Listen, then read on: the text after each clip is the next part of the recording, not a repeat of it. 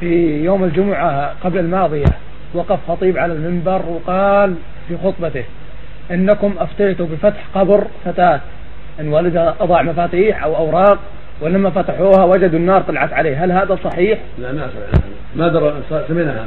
ولكن ترى العديد من الأخوان الآن الحاضرين الندوة يسألون عن هذا. فتح قبر يعني؟ يجوز فتح القبر يقول إنكم أفتيتوا بفتح القبر واستخراج المفاتيح ولما فتحوه وجدوا النار طلعت. هذا ما وقع لكن لكن قد يقع هذا في اوقات غير هذا ثم ما أفتينا بهذا. لكن لو وقع لا بأس.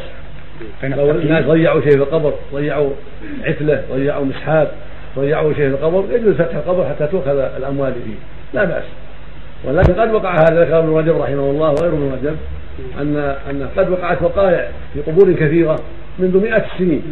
فلما فتحوها وجدوا أهلها معذبين نعوذ بالله. وجدوا أهلها معذبين. يريد الله عباده العبر يريد الله عباده العبر.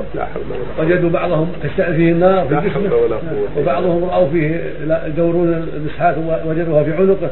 قد أخذ نصابها وجعلت في عنقه نارا تشتعل. وجدوا غير ذلك في القبور. الله يريد عباده يريد عباده العبر. أما هذه الواقعة التي سأل عنها الرجل لا سمعناها ما ولا أحد استفتنا فيها لكن هذا قد يقع.